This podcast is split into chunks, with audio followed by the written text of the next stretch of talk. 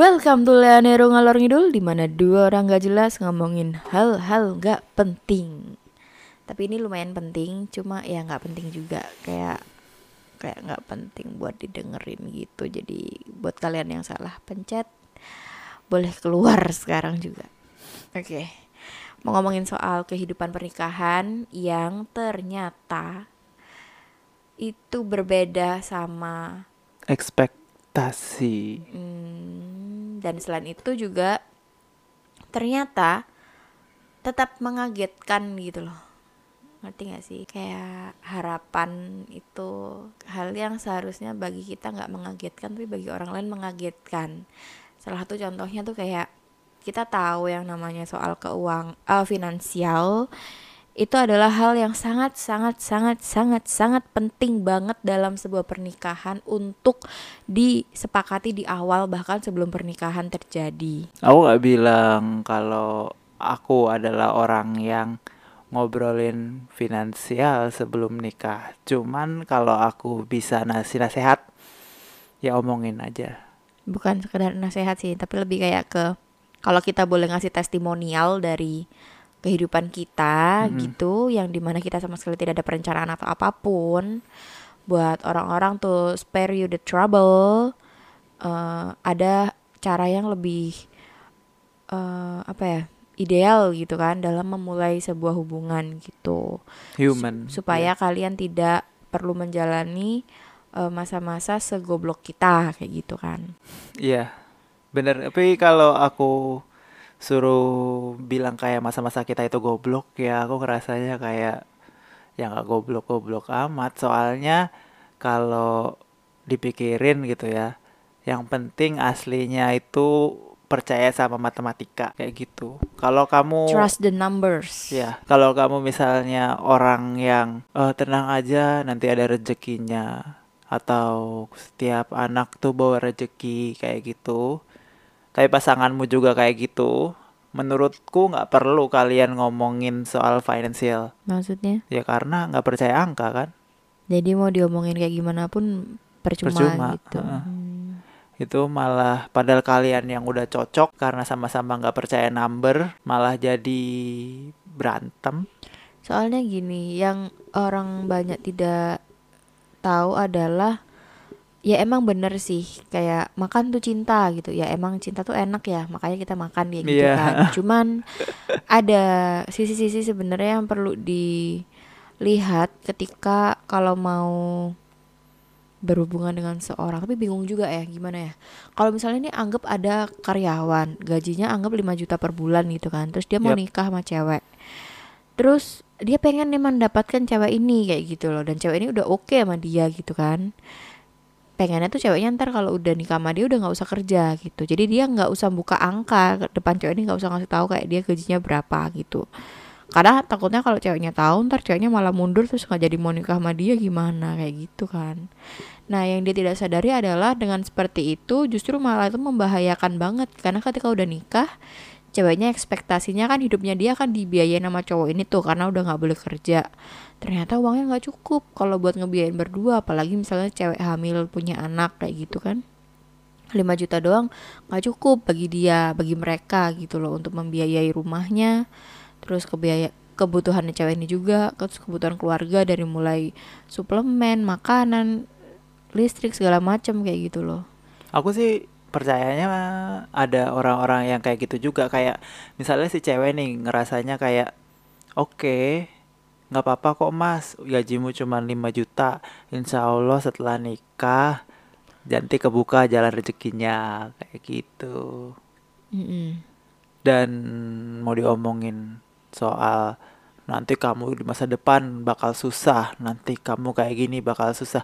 Mereka nggak bakal percaya walaupun kejadian mereka bakal bilang ya emang ujian pernikahan kayak gitu. Hmm. tergantung sih. Aku ngerasanya kayak financial itu pasti problem. Bahkan orang-orang banyak yang nyadar nggak sadar kalau itu mereka dalam masalah itu. Mereka ngerasanya kayak hubungan kita tuh masalahnya bukan di situ tapi misalnya kayak kamu tuh kurang ibadah kamu tuh kurang bersyukur padahal aslinya intinya masalahnya cuma di finansial Soalnya aku mikir gini ya, dalam pernikahan kan menyatukan dua pihak aja itu udah sesuatu yang sulit. Dua kepribadian. Apalagi ditambah pakai dua keluarga besar. Nggak perlu ditambah soal masalah finansial aja itu udah berat gitu loh. Apalagi kalau pakai ditambah juga masalah finansial kayak gitu. Jadi makanya aku mikir apa ya tapi kalau kayak gitu juga serba salah ya. Nanti dibilangnya kalau gitu orang miskin nggak berhak nikah dong kayak gitu kan nanti mikirnya. Gimana ya jadinya? Soalnya aku kan lahir dan tumbuh di dalam keluarga yang sangat kekurangan finansial dan aku merasakan banget ketidaknyamanannya itu loh. Yang harus aku lalui sepanjang hidupku sampai aku benar-benar lepas dari masalah finansial itu ya ya baru-baru ini aja gitu. Kayak kayak beberapa tahun ke belakang doang gitu kan. Dan itu pun struggling banget untuk bisa pindah jalur. Apa sih itu sebutannya? Untuk bisa keluar gitu loh dari lubang kemiskinan gitu. Karena itu kan struktural banget kan. Iya. di mana kalau kakekmu miskin ya kemungkinan Kemungkinan. besar orang tuamu miskin juga. Dan kemungkinan besar kamu miskin juga yang paling sulit kan keluar dari zona itu tuh yang paling sulit. Nah setelah keluar dari zona itu tuh leverage-nya akan sangat membantu untuk bisa makin kaya makin kaya kayak gitu kan. Makanya ada yang bilang yang kaya makin kaya miskin makin miskin karena emang beneran kayak gitu Mm-mm. kenyataannya. Kayak 90% permasalahan dalam keluargaku itu semua bisa diselesaikan dengan uang kalau aku ngelihat sekarang loh ya. Makanya aku mikir penting banget untuk ya kita semua ini mulai membuat apa ya rumah tangga rumah tangga baru tuh ya yang harus bisa keluar dari kemiskinan gitu sih mikirku tapi kayak jahat juga ya kalau kayak gitu nganggap orang miskin nggak bisa Oh, gini, nikah gini. berarti Anggap misi kita adalah ngelakuin itu ya, membuat orang-orang sadar dan bagaimana cara mereka untuk keluar dari kemiskinan kayak gitu kan. Mm-mm. Kita coba provide gitu. Apa sih yang kamu bisa provide informasi untuk keluar dari kemiskinan kayak kamu gitu. Kalau aku sih yang pasti eh, cari apa yang kamu suka, terus kamu tekunin itu, terus kamu bisa ngasilin duit dari situ kayak gitu. Mm-mm. Tapi Nggak- itu praktikalnya ya. Tapi lebih kayak ke gimana ya? Soalnya kalau aku ngeliat kan teman-teman banyak yang jadi karyawan kan. Mm-mm. Karyawan tuh anggap gaji berapa ya? 5 jutaan kan palingan. Anggap kayak S1 kayak kita. S1 kan baru masuk 5 juta, tapi Hmm. kalau misalnya sudah berpengalaman lama-lama jadi anggap 10 juta misalnya kayak gitu Iya. ya. Jadi anggap orang-orang yang udah seumuran kita ini kan 10 juta anggap per bulan. Terus kalau teman-teman kita sih aku yakin udah puluhan ya. Iya udah. Soalnya teknik sipil ya. Mm-mm. Ya anggap 10 lah ya se seminimal mungkinnya gitu. Iya. Suami dapat 10 juta. Si istri ditaruh rumah karena ibu rumah tangga. Iya. Terus eh, rumahnya ngontrak. Mm-mm. atau KPR. Kok aku lihat orang-orang banyak KPR ya. Kalau yang ngontrak. KPR tuh kemungkinan Jadi beli lebih rumah kayaknya. pertama harganya 500 juta misal. Di KPR kan 5 juta per bulan. Mm-mm. Ya udah, jadi dari 10 juta, 5 jutanya untuk bayar KPR. Terus dia pasti beli mobil dong. Gak mungkin gak punya mobil. Teman-teman kita semua kan naik mobil. Iya. Mobil harga 200 anggap. 200 tuh Cicilannya 2 2 juta. jutaan. Jadi untuk rumah 5 juta, untuk mobil 2 juta. Sisa 3 juta. 3 juta buat uang makan sama Hmm. listrik sama buat makan tuh berapa tuh? Itu anggap suami istri baru punya anak satu gitu ya. Karena rata-rata teman kita kan udah punya anak pasti. Suami istri makan berapa tuh sehari? Anggap istrinya masak 30 ribu lah. 30 ribu sebulannya 1 juta. Listrik kayak kita aja kurang lebih 500an. Berarti sisa satu setengah. Terus buat bensin setengah. Terus buat beli popok, beli susu satu juta berarti Hmm. udah habis. Masih kurang buat beli makanan bayinya. Terus buat beli misalnya lampu rusak atau pipa air rusak kayak gitu itu dari kartu kredit nanti berarti. Terus Terus- nggak bakal bisa kebayar karena itu udah mepet. Terus savingnya berapa? Kan nggak ada tabungan berarti kan nggak bisa nabung. Soalnya kalau udah punya anak ya 10 tuh pasti kurang lah. Hmm, kita nggak bisa bilang pasti juga ya. Kalau kalau pasti sih ya pasti ya, tapi bukan berarti semua orang tua mau memenuhi kebutuhan anak gitu kan Mm-mm. Kayak aku aja dari kecil juga nggak dikasih apa-apa juga nggak apa-apa gitu. Kayak baju sekolah aja dari kelas 1 sampai kelas 5 emang sengaja dibeliinnya kedodoran kepanjangan gitu. Terus kelas Terus kelas ntar lima kelas udah kayak lima baju mini. warnanya udah kuning gitu. Baju putih udah jadi kuning. Terus baju olahraga juga dari kecil sampai gede juga. Terus baju di rumah juga sampai tipis bahan kainnya gitu. Mm-mm. terus makan pun ya tiap hari cuma kayak eh, tempe goreng tahu goreng kayak gitu. Sesekali bikin sup daging tapi dagingnya pun kecil gitu dikit gitu. Jadi bakal kepotong banyak banget sih memang kalau bisa Um, Kayak aku gitu. coba weigh in ke tadi ya yang masalah uh, an- anak yang KPR terus juga mobil punya anak kayak gitu kan. Itu kan uh, yang mereka anggap sebagai Indonesia Dream. Mm-mm. kayak gitu. Bayangin kalau kamu tuh baru keluar dari kemiskinan.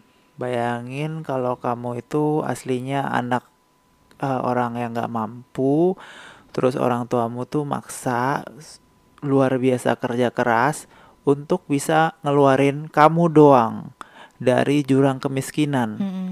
terus kamu malah berusaha masuk lagi Mm-mm, makanya itu yang yang mau aku bilang tadi itu dengan cara 10 juta tadi dibagi dengan kayak gitu berarti kan dia bakal masuk lagi ke zona kemiskinan kan karena Mm-mm. tidak ada saving Mm-mm. dan jadi juga nggak bisa memenuhi kebutuhan bulanan juga sebenarnya kayak gitu. jadi hidup dia tuh cuman ada satu tali yang nyangkutin dia ke atas gitu kan Hmm, Jadi kalau pekerjaan itu tiba-tiba hilang, talinya putus, ya langsung udah, jatuh kayak gitu kan, semuanya. collab semua.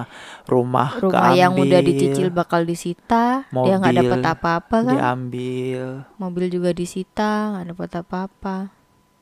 anak bakal lapar karena nggak punya tabungan. Iya. Tapi kalau dipecat sih lumayan mungkin ya dapat kayak pesangon tujuh bulan gitu ya. Mm-mm. Tapi orang-orang kayak gitu kalau misalnya dibilangin pasti ngomongnya gini. Ah buktinya ya bisa aja gitu. Rezeki itu ada aja gitu. Misalnya kayak cerita dari boleh disebut nggak ini? kalau misalnya kayak ya dulu juga bapak nggak punya uang. Mm. Terus waktu mbak masuk itu Iya. kampus harus bayar 50 juta. Terus bapak ya akhirnya ke mana gitu terus dapet eh, dari temen yang baik gitu kan mau ngasih Mm-mm. 50 juta buat bantu ya rezeki tuh ada aja kayak gitu loh. Terus Kayak bapak lagi nggak ada uang, terus kebetulan kamu keterima beasiswa kayak gitu kan. mm-mm, Amin.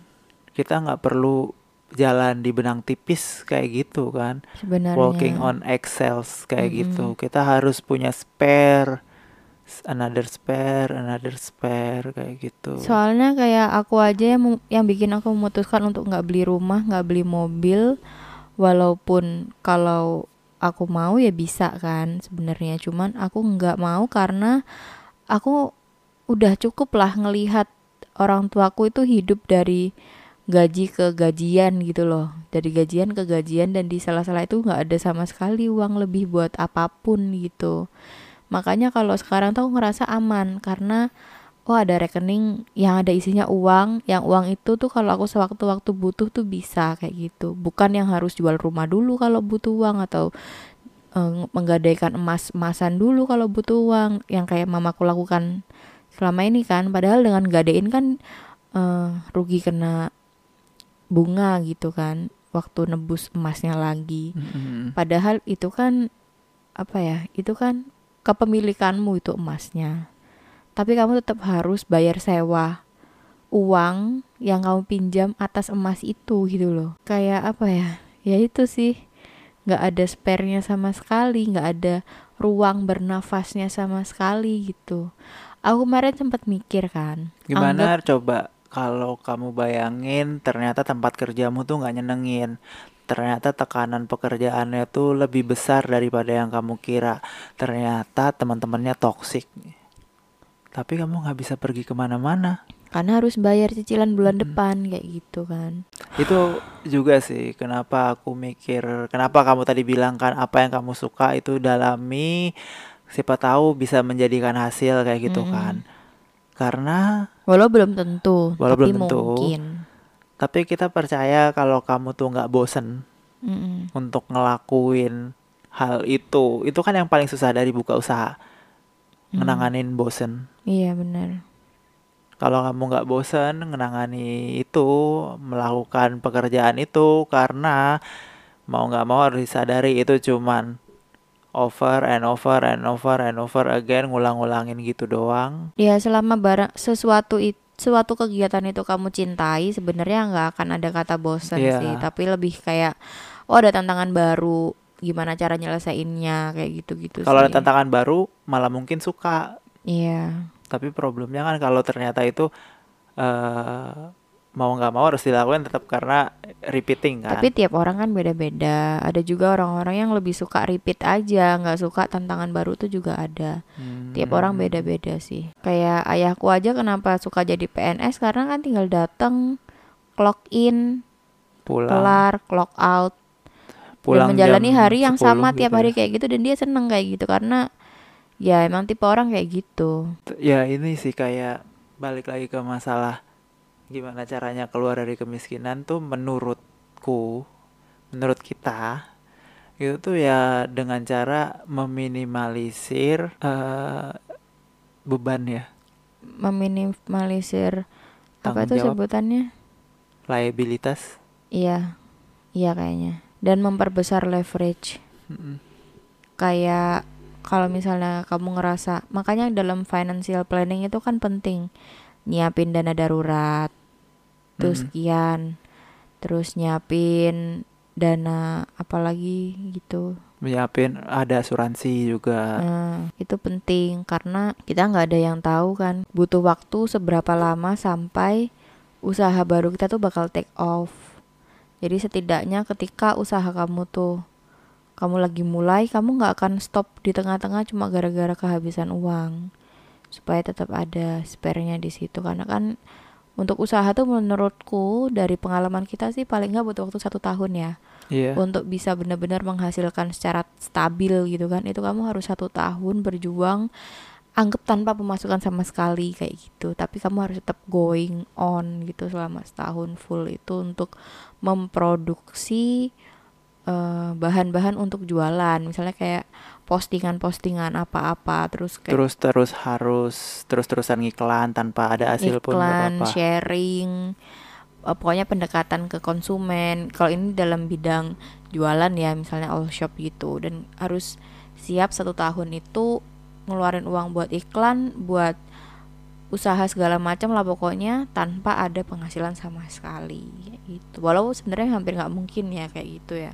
Pasti tetap masuk lah kayak sebulan berapa gitu, tapi jangan diharapkan gitu. Nah makanya butuh untuk nah butuh untuk mempersiapkan dana itu tadi. Nah, problemnya ketika kamu udah punya liability-nya tuh 70% dari penghasilan. Nah, gimana caranya buat nyiapin dana ini tadi kalau mau keluar dari situ? Nah, itu loh yang problematic sebenarnya. Yang aku kasihan tuh Kalau aslinya kalau kita dari kalau dari kita sih gampang aja kan bilang, "Eh, jangan beli rumah lah, nyicil Mm-mm, apa mm-mm. jangan nyicil lah. Ngontrak aja gitu." Misalnya ngontrak kan anggap rumah harga 500 juta kan kalau di sini tuh harga kontrakannya sekitar 15 juta. 15 juta bagi 12 bulan kan cuma satu koma kan. Mm-mm. Gaji 10 juta keluar satu koma untuk tempat tinggal itu sehat banget kan. Iya. Kayak cuma ngabisin 15% mungkin dari gaji untuk bayar rumah gitu. Itu sih yang aku pikirin juga kayak eh, pertama kan liabilitas itu tuh ya harus diminimalisir terus juga yang paling penting tuh sabar. Kalau kamu pengen beli rumah, kenapa kamu pengen beli rumah sekarang? Kalau kamu pengen beli mobil, kenapa kamu pengen beli mobil sekarang? Padahal kemampuan kamu tuh nggak mencukupi. Jadi kamu tuh baiknya sabar karena kamu tuh masih ada kayak puluhan tahun ke depan. Kalau ternyata beli rumahmu itu baru bisa di umur 50, so what kayak gitu. Yang penting jangan sampai kamu ngerasa kayak kamu ngejalanin hidup itu dari paycheck ke paycheck kayak ditawan sama kantor. Kamunya nggak bisa keluar, kamunya nggak bisa tiba-tiba berhenti, kamu sakit, kamu takut kalau sakit, takut dipecat. Ada temanku yang dia tuh pegawai perusahaan besar lah ya dan dia itu gajinya juga besar lumayan dia ada KPR rumah yang sebenarnya kan dia tidak perlu KPR karena gajinya yang besar itu coba dia mau sabar e, nabung lah lima tahun gitu mungkin kebeli rumahnya. Tapi karena dia nggak sabar dan dia ngerasa oh dihitung-hitung biaya cicilannya tuh cuma berapa 30% dari gaji misalnya kayak gitu. Jadi masuk akal lah buat beli rumah. Akhirnya dia beli rumah KPR dan KPR-nya masih jalan sampai sekarang. Nah, dalam kondisi Covid ini kan sebenarnya ada perusahaan-perusahaan yang apa ya bisa dibilang kayak sangat menaati gitu kan. Jadi WFH WFH gitu. Banyak juga perusahaan yang tidak memperbolehkan sama sekali WFH kan, tetap harus masuk kantor full. Dan eh, bahkan tuntutannya pun sama beratnya sama sebelum covid padahal pasar lagi lesu misalnya kayak gitu dan banyak yang nggak kuat tekanan itu akhirnya pada uh, resign tapi problemnya dia nggak bisa resign karena dia masih ada cicilan KPR itu tadi padahal kata dia dia dia hitung nih seandainya di hari waktu itu dia, dia nabung di hari pertama kali dia KPR itu dia mulainya nabung bukan mulai nyicil KPR sebenarnya hari ini dia bisa beli rumah itu cash. Padahal rumahnya udah naik harganya. Kan sekarang Covid lagi turun kan. Oh iya benar rumah juga. kan. Jadi sebenarnya harganya kata dia sama aja sama lima tahun yang lalu kayak gitu. Nah, terus ya udah jadinya kayak nyesel gitu loh. Padahal ini harga rumah yang harusnya bisa aku lunasi sekarang dan aku bisa resign tetap punya rumah. Tapi karena aku ngambilnya KPR, harganya kan jadi dua kali lipat. Jadi dia masih ada lima tahun ke depan lagi untuk melunasi rumah ini.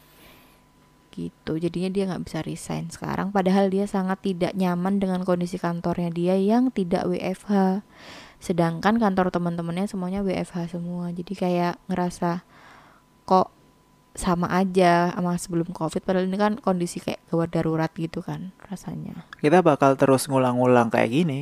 Kita bakal terus ngasih tahu kalian untuk kayak gini.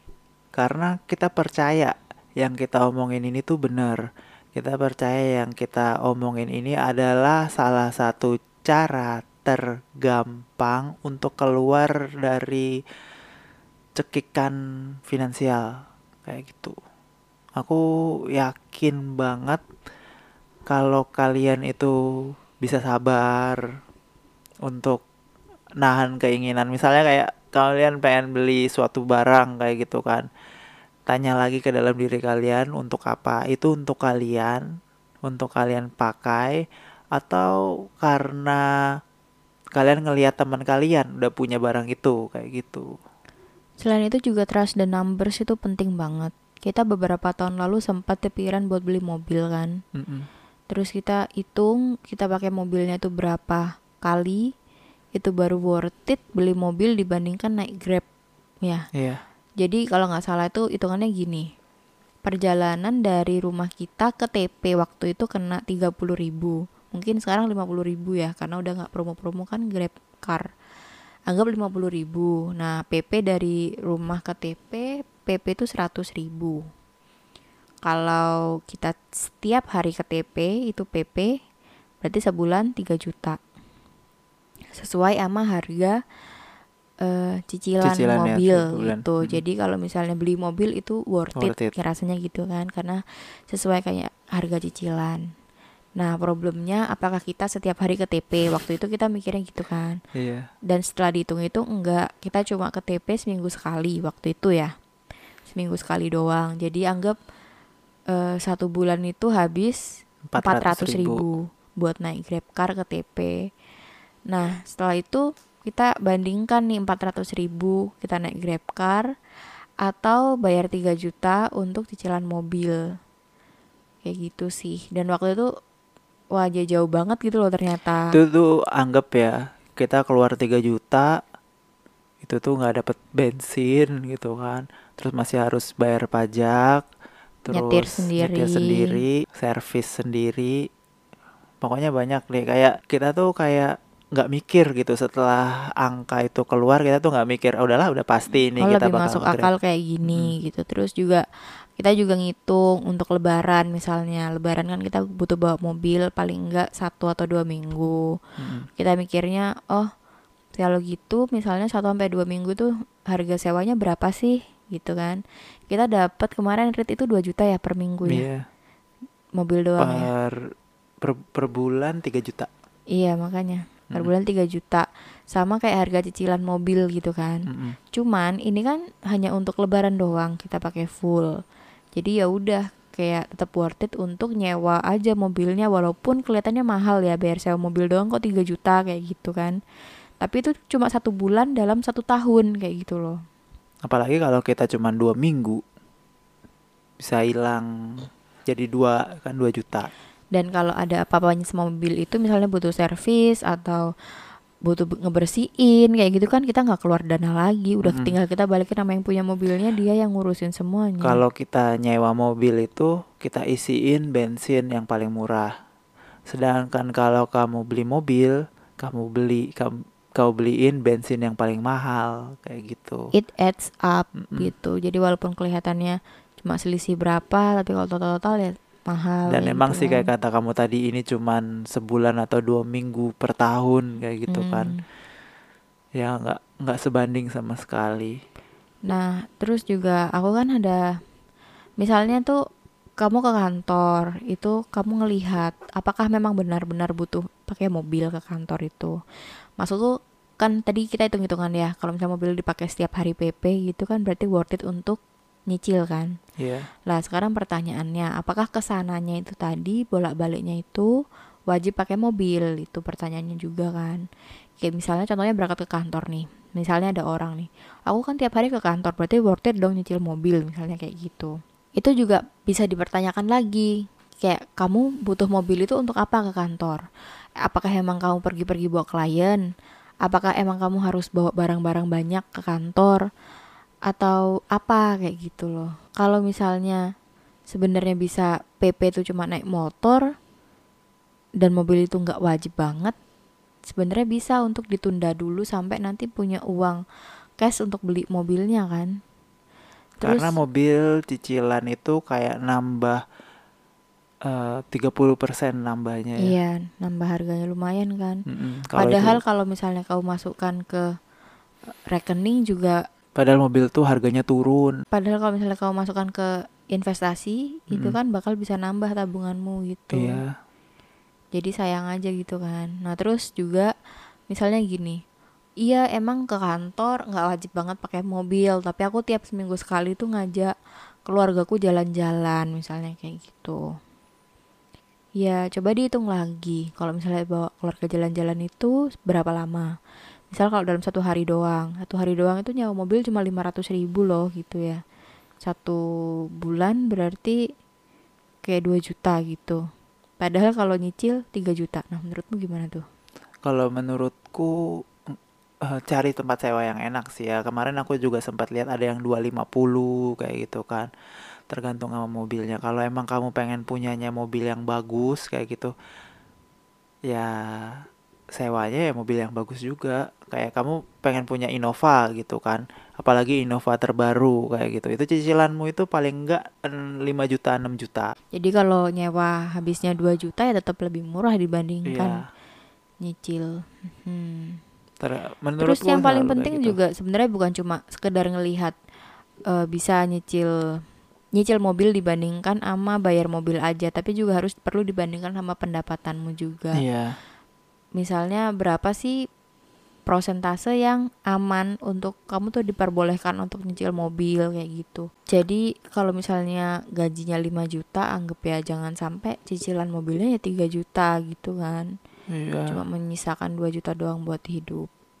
Kayak itu buat orang single aja tuh barely living loh sisa 2 juta itu harus tetap tinggal sama orang tua kan berarti kalau 2 juta itu. Aku apa agak berat sebenarnya teman-teman banyak banget yang kemakan sama lifestyle apalagi kalau kamu lihat kayak TikTok, Instagram itu kan banyak banget isinya orang-orang pamer kan. Jarang banget ada orang yang nunjukin kalau dia tuh bisa beli barang murah kayak gitu.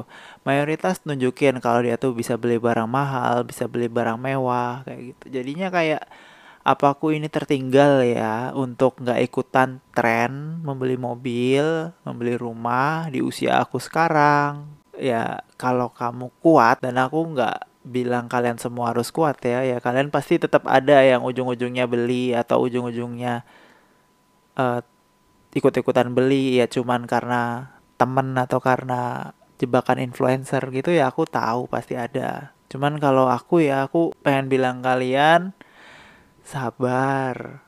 Orang-orang kayak gitu tuh jangan diikutin. Karena itu tuh bukan caranya bahagia menurutku sih gitu. Pandangan tapi aku juga nggak yakin orang-orang nyari bahagia sih sebenarnya. Mungkin itu sih tapi karena banyak orang-orang yang meraba-raba kan. Kayak apa sih rasanya bahagia itu dan yang mereka tahu ya ada sebuah checklist itu yang udah dilakukan turun temurun selama ratusan tahun kan?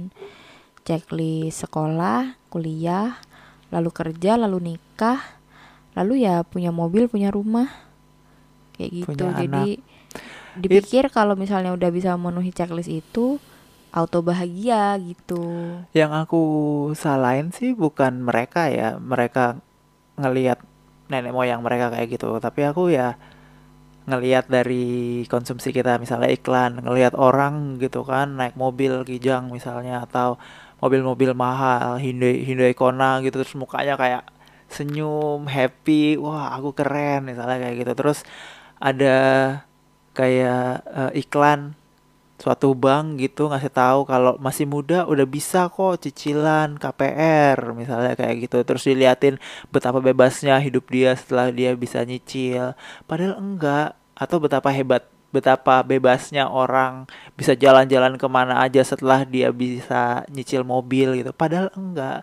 Setelah kamu bayar, setelah kamu masuk ke dalam cicilan mobil, setelah kamu masak masuk ke dalam cicilan rumah, itu tuh malah saat kakimu ter, dipotong. Iya, saat ter nggak bebas kamu. Karena cicilan. Iya. Kalau berinya cash ya nggak apa-apa gitu kan. Iya sih. Tapi itu pun juga pertanyaan kayak seandainya seandainya 200 juta buat beli mobil cash terus tabungannya jadi cuma sisa 10 juta itu kan juga wiggle roomnya susah kan? Yeah. leverage-nya susah. Kalau kamu mau bikin usaha atau apa pun tuh lebih susah dibandingkan kalau misalnya kamu 200 juta itu 50 nya buat usaha atau 50 nya ditabung dulu sam sampai nunggu jadi 200 misalnya kayak gitu sih.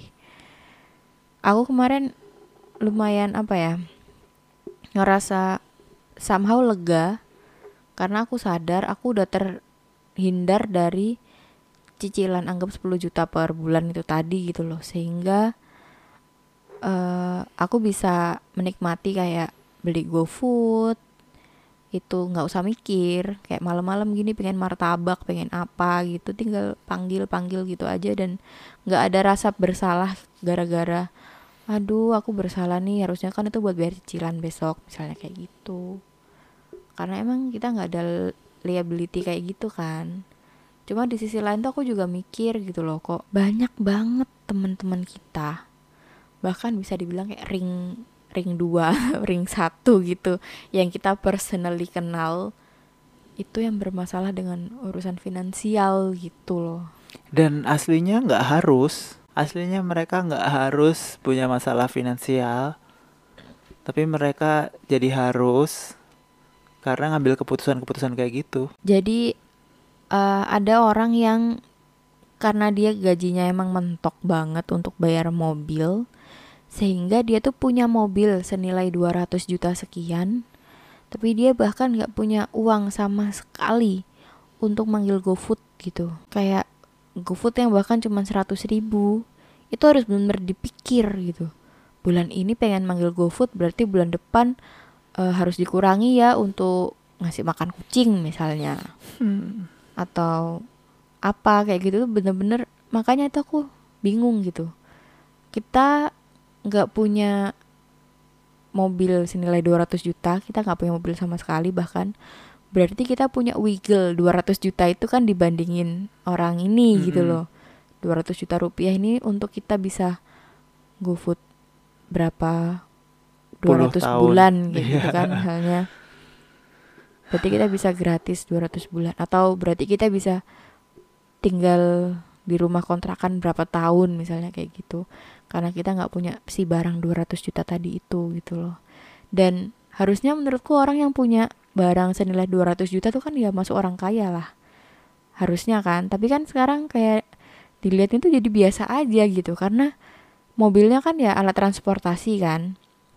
Dan orangnya tuh malah kelihatan apa ya kayak malah kekurangan banget gitu loh buat ini nggak ada buat itu nggak ada gitu. Sedangkan kita tuh nggak punya apa-apa. Kita nggak punya barang senilai 200 juta. Tapi kita tuh rasanya kayak orang kaya gitu. Padahal nggak kaya ya kita. Cuma rasanya, rasanya. aja. Karena mau nge-GoFood bisa mau check out Shopee buat beliin makanan kucing yang bahkan kucing-kucing liar bukan kucing peliharaan kita itu kita langsung kayak ya beli-beli aja gitu loh. Makanan kucing berapa berapa puluh kilo kayak gitu. Kayak gampang nggak usah pakai dipikir ini budgetnya bulan ini ini budgetnya bulan nggak nggak perlu kayak gitu. Terus kayak misalnya out of nowhere aku mikir ini kamar ini boring banget sih. Langsung aku bilang adek desain ini nanti aku bayar kayak gitu. Cariin barang-barangnya apa aja butuh berapa har harganya mbak? misalnya. Ya terserah lah sekian juta misalnya gitu. Nggak perlu pakai mikir-mikir nunggu gajian bulan depan nunggu budget tiga bulan lagi kayak gitu Nunggu Hanya cicilan karena- ah, kelar. hanya karena kita tidak punya satu barang yang nil- yang harganya 200 juta tadi itu jadi bisa jauh lebih bebas gitu loh untuk ngapa-ngapain Tapi banyak orang yang beranggapan kayak kalau uang yang gak aku pakai buat beli ini nanti hilang aja gitu. Iya sih, itu pemikiran kuno banget ya. Orang tua aku juga kayak gitu soalnya. Makanya tiap kali dapat uang proyekan gitu misalnya berapa puluh juta langsung beli motor, beli motor. Sampai punya motor berapa kan di rumah? Aneh banget, banyak banget. Itu pun mama nyesel, kata mama gini. Coba ya mama mau tiap ada proyekan itu mama tabung dulu biar bisa beli mobil. Problemnya kalau ditabung tahu-tahu habis kata mama gitu. Dan bener kan mama pernah ngasih uang juga kan dititipin ke aku tiap minggu dia ada aja harus transfer ke ini transfer ke itu harus bayar ini bayar itu cuma dalam waktu tiga bulan tuh bisa habis gitu uang sebanyak itu. Dan aku pun nggak bisa stop karena emang itu dibutuhkan untuk kerjaannya kan emang untuk transfer transfer itu. Makanya bingung juga bener juga ya. Langsung habis juga. Padahal ternyata padahal eh, seandainya nggak dititipin ke aku uangnya misalnya langsung buat DP mobil gitu. Dia butuh bayar-bayar itu ya dia bisa nyari cara yang lain kayak gitu. Tapi ya bingung lah. Aku kalau suruh milih jalur hidup yang berat atau yang gampang, tuh orang-orang di luar sana banyak yang milih kayak berat lah hidup tuh perjuangan kayak gitu. Tapi kalau aku jujur ya, kalau aku waktu kecil, waktu masih di akhirat sana ditanya sama malaikat, kamu pengen hidup gampang apa susah? So aku milih kayak yang itu aja tuh keluarga yang itu bukan keluarga kaya-kaya banget kayak gitu terus aku masuk di situ. Kalau sekarang aku nggak mau, waktu aku suruh milih lagi, kamu mau milih hidup enak atau hidup menderita? Ya nggak mikir ya, hidup enak lah. Mas kenapa itu hidup enak? Ya karena kita nggak ngelakuin apa pun dengan terpaksa, kita ngelakuin semua hal. This point apa sampai dari dulu itu sampai sekarang itu semua karena keinginan kita. Nggak ada terpaksa misalnya kayak aku ngelihat kayak temanku update status alhamdulillah masih ada kerjaan. Ngelihat orang-orang di luar sana banyak yang diberhentikan kayak gitu. Why kamu pricing kerjaan dengan cara kayak gitu? Berarti kerjaanmu nggak enak kan?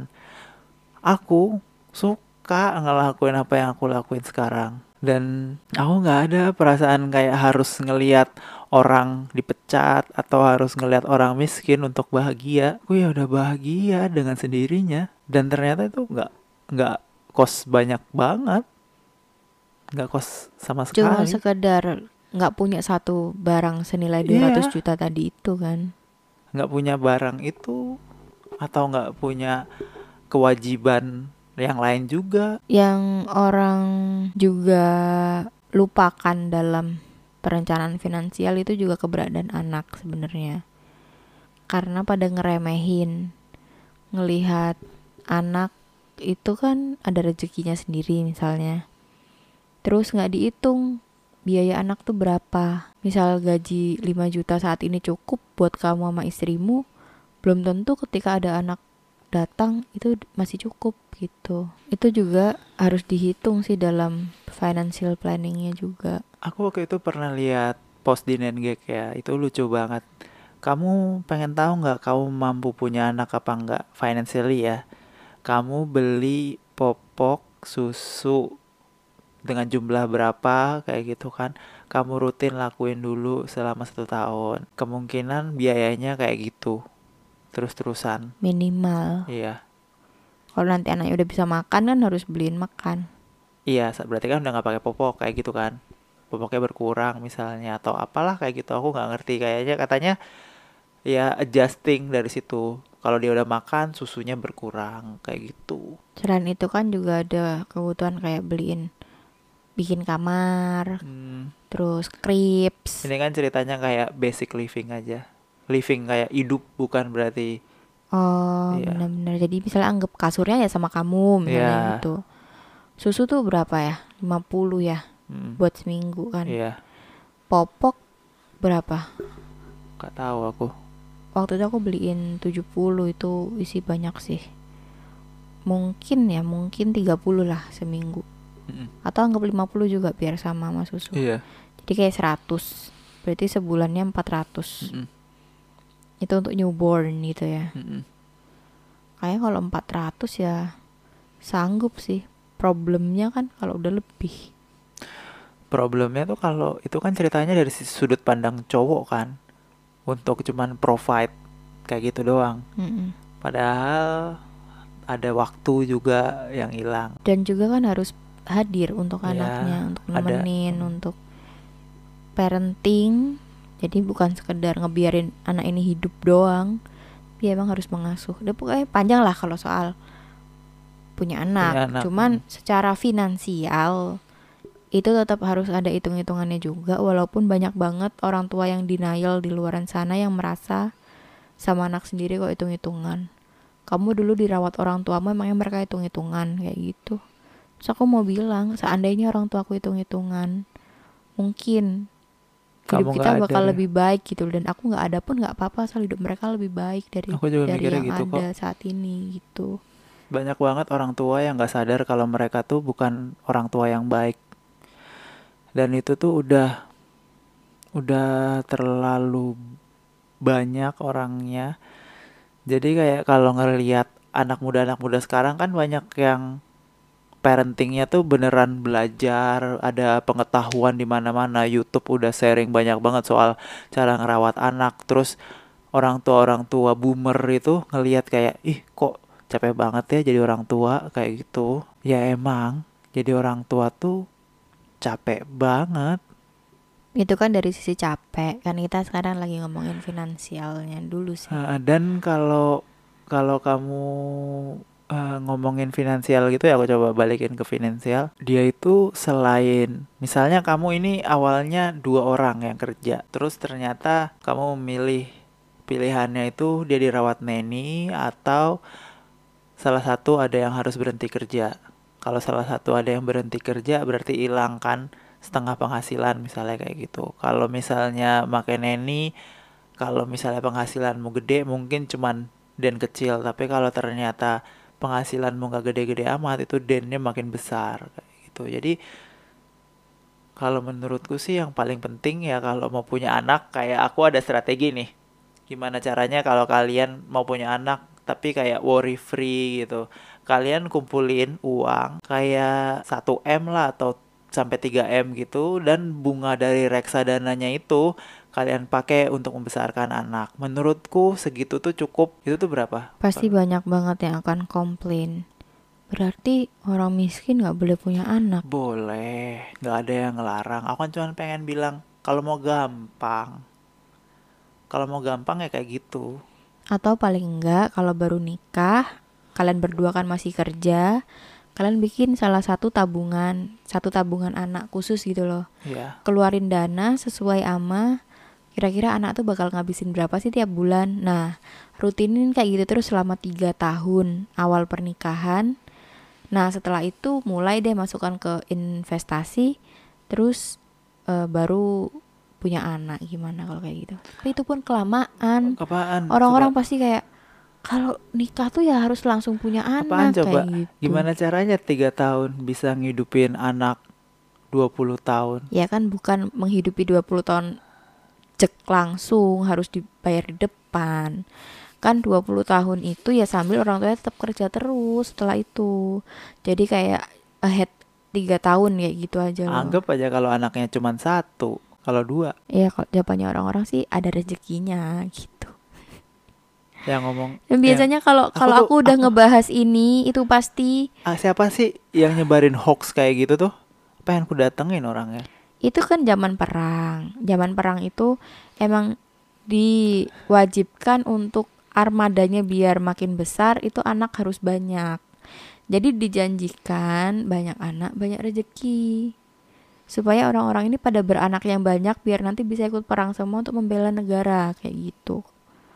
Setahu aku ya kalau baca-baca sejarah kayak gitu. Nah, problemnya kan itu kebawa sampai sekarang. Kalau kalau sekarang sih aku tahu kenapa banyak anak banyak rezeki karena katanya sih kalau misalnya satu orang tua ini bisa membesarkan kayak 10 anak, nanti diharapkan dari anak-anak itu ada satu yang sukses banget yang bisa untuk Jadi sandwich lah pokoknya. bisa untuk membiayai orang tuanya sampai sampai mati kayak gitu. Tapi aku masih heran ya kok mampu ya ada orang yang miskin gitu punya anak 10 itu. 15. Iya, kayak kayak nggak mikir gitu loh. Ya, mikir. Sedangkan Nggak mikir lah. Kalau mikir enggak kayak gitu. hmm, Itu living, barely living ya orang-orang yang kayak gitu itu. iya sih. Dulu tuh aku sempat ini ya, sedih gitu waktu tahu ada sepup apa ya adiknya nenekku. Adiknya nenekku yang eh, usianya tuh kurang lebih sama sama ayahku lah. Gara-gara dia anak bungsu.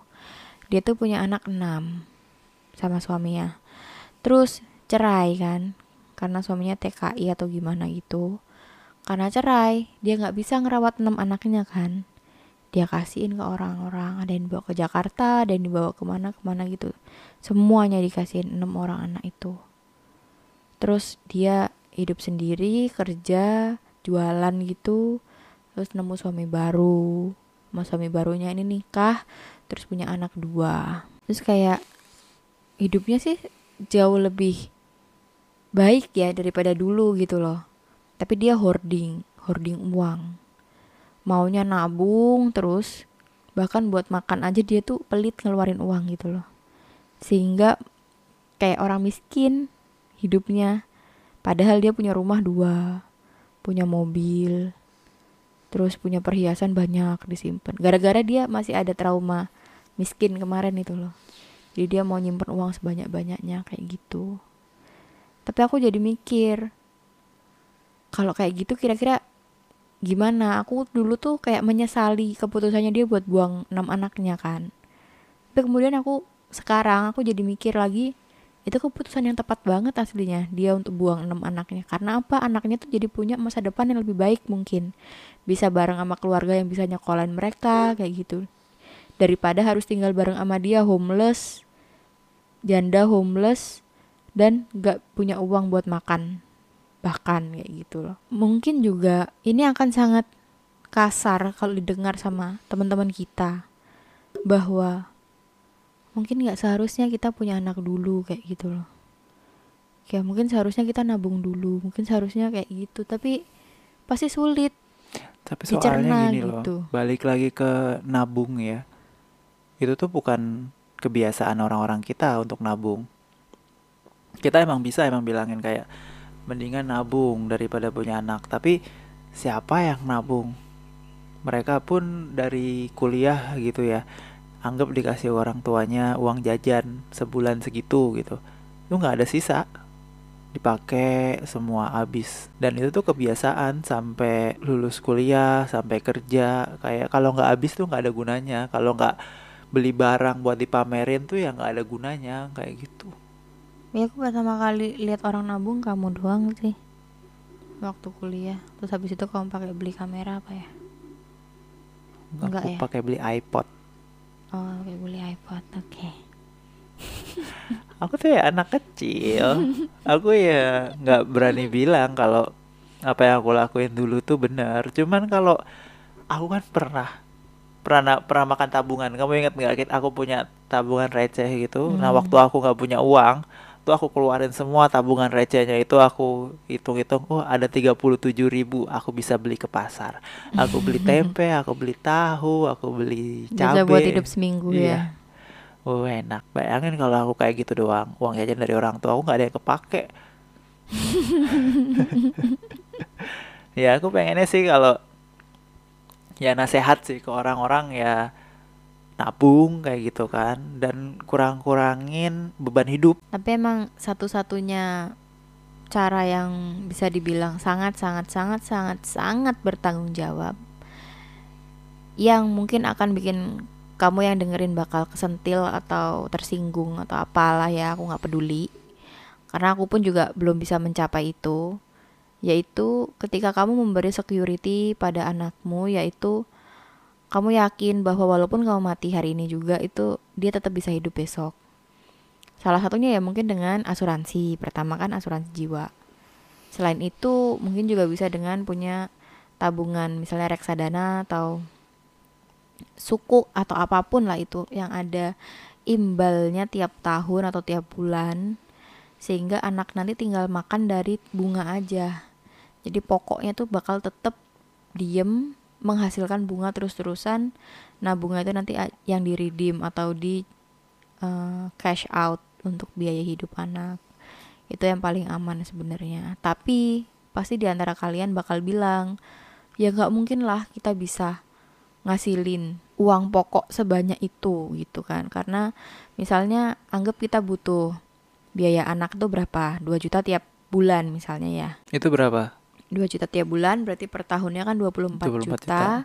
Berarti butuh pokok sekitar 300 juta untuk menghasilkan 24 juta itu tadi Mm-mm. tiap tahun gitu kan. 300 juta. Berarti sebelum punya anak, kamu harus udah punya reksadana senilai 300 juta kayak gitu kan anggapannya. Nanti makin besar anak kan kebutuhannya makin naik tuh. Bahkan bisa nyampe 5 juta per bulan kan kalau udah masuk usia sekolah misalnya kan. Berarti proyeksimu dalam kamu top up modalnya ini tadi harus pas. Misalnya nanti kalau anak umur 7 tahun berarti modalnya nanti harus udah 500 Wah, juta benar benar benar menarik ini. Jadi waktu udah masuk ke kuliah, itu kan kemungkinan ada biaya kuliah tuh kayak 3 juta, 4 juta per bulan Hmm. kayak gitu kan.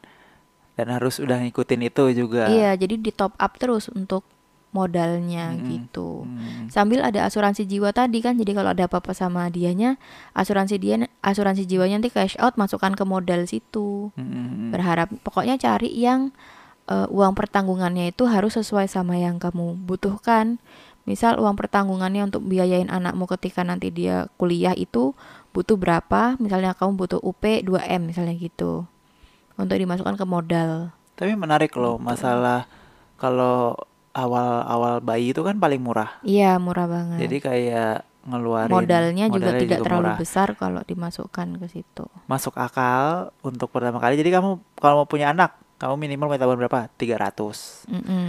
Nanti anakmu itu hidup dari bunganya, tapi Mm-mm. kamu tetap nabung ke situ. Nabung terus tiap bulan. Nabung, nabung, nabung sampai dia mungkin 500 pas dia udah 7 tahun Iya, kayak gitu kan. Mm-mm. Kalau dari 500 berarti dapat berapa itu? Kayak 3 juta ya, 3 juta 4 juta ya. Mm-mm. Ya kayak gitulah. Menarik, menarik. Terus misalnya pas kuliah udah butuh 4 juta, 5 juta gitu ya, terus nambah terus atau tiba-tiba kita meninggal Dan gitu juga kan. untuk untuk SMP, SMA, kuliah itu kan biasanya ada uang gedung yang dibayarkan di depan. Iya. Nah, itu anggap dipukul rata dibagi per tahunnya jadi berapa, jadi nanti uang modalnya mesti berapa kayak Sip, gitu. sip, sip, sip. Kayak gitu aja sih. Aslinya menarik banget loh itu. Kalau dihitung secara serius, dihitung benar-benar, Iya, jadi harus top up berapa tiap bulan kayak gitu. iya. Jadi minimal punya berapa sebelum lahir Iya. Dan Nanti tiap bulan harus ngisi berapa, berapa, rutin kayak setiap gitu. bulan. Ini bagus nih kita jadiin proyek ta untuk ngitung-ngitung kayak gini. Oh boleh. Jadi nanti kita coba hitungin, nanti next kita ngobrol, kita bacain hitungan Oke. kita gitu ya. Masuk akal banget sih. Soalnya kita kemarin juga udah ngitung kayak rumah itu harganya satu setengah m, itu sewanya 35 juta. Itu Mm-mm. menurutku hitungan paling bagus. Kayak kita masukin 500 juta ke Reksadana. reksadana, kita udah bisa nyewa rumah itu. Imbalannya per tahun 35 juta jadi Mm-mm. bisa untuk nyewa rumah itu. Mm-mm. Jadi anggapannya dengan uang 500 juta kamu bisa tinggal di rumah senilai 1,5 M gitu kan. Gratis. Dan selama orangnya tetap mau nyewain terus ya anggapannya kayak kamu yang punya rumahnya kayak gitu Iya. kan anggapannya lah. Walaupun nggak bener-bener ya karena tidak ada Hak ini kan miliknya. hak untuk kamu obrak-abrik segala macam kan dalamnya. Cuma kalau kasarannya seperti itu dan menurutku tetap worth it sih dengan harga cuma sepertiganya dengan syarat kamu nggak boleh ngotak-ngatik misalnya kayak gitu tuh ya worth it lah. Namanya Mm-mm. juga di- diskon 70% kan. Jadi cuma boleh tinggal doang di situ. Menarik. gitu. Itu kan hitungan pertama kita. Mm-mm. Hitungan yang bikin kita masuk ke financial financial talking kayak gini. Mm-mm. Dan menurutku anak ini juga menarik. Iya menarik sih. Ah, Dan habis itu mungkin kita ngomongin beli mobil juga. Itu oh iya minimal kayak harus punya uang berapa, berapa, ha. gitu benar-benar sih. sip sip. Kita nanti coba bikinin hitungan dua-duanya aja berarti ya. Atau tiga-tiganya. Eh, kan ini yang kayak paling utama kan bagi orang-orang tuh Mm-mm. punya rumah, punya mobil, punya anak, Punya anak, gitu iya. dan kira-kira kalau misalnya harus digabung tuh berapa dan kalau misalnya suami istri misalnya atau suaminya doang atau apa kayak gitu ya. Sip sip. Kita jadikan Ini menarik menarik menarik next menarik. project beneran ini. Iya iya. Terus kita kan jurusan teknik sipil nih. Kita kemarin ngobrol-ngobrol kita mau bangun rumah juga. Ntar mau kita coba rencanain juga. Ya kalau direncanain itu kayak satu langkah lebih maju lah daripada cuma ngayal-ngayal doang. Direncanain juga belum tentu untuk kita bangun untuk kita pribadi sebenarnya. Lebih kayak kepengen tahu aja gitu. eh kalau rumah impian kayak yang kita pengen tuh sebenarnya seberapa sih kayak gitu. Mm. Okay, that's all for today, and let's see you again next time with me. Kalau mau kontak bisa ke Twitter atau IG Love or Love ke We Aprilia dan Nerorisme. goodbye. Bye bye.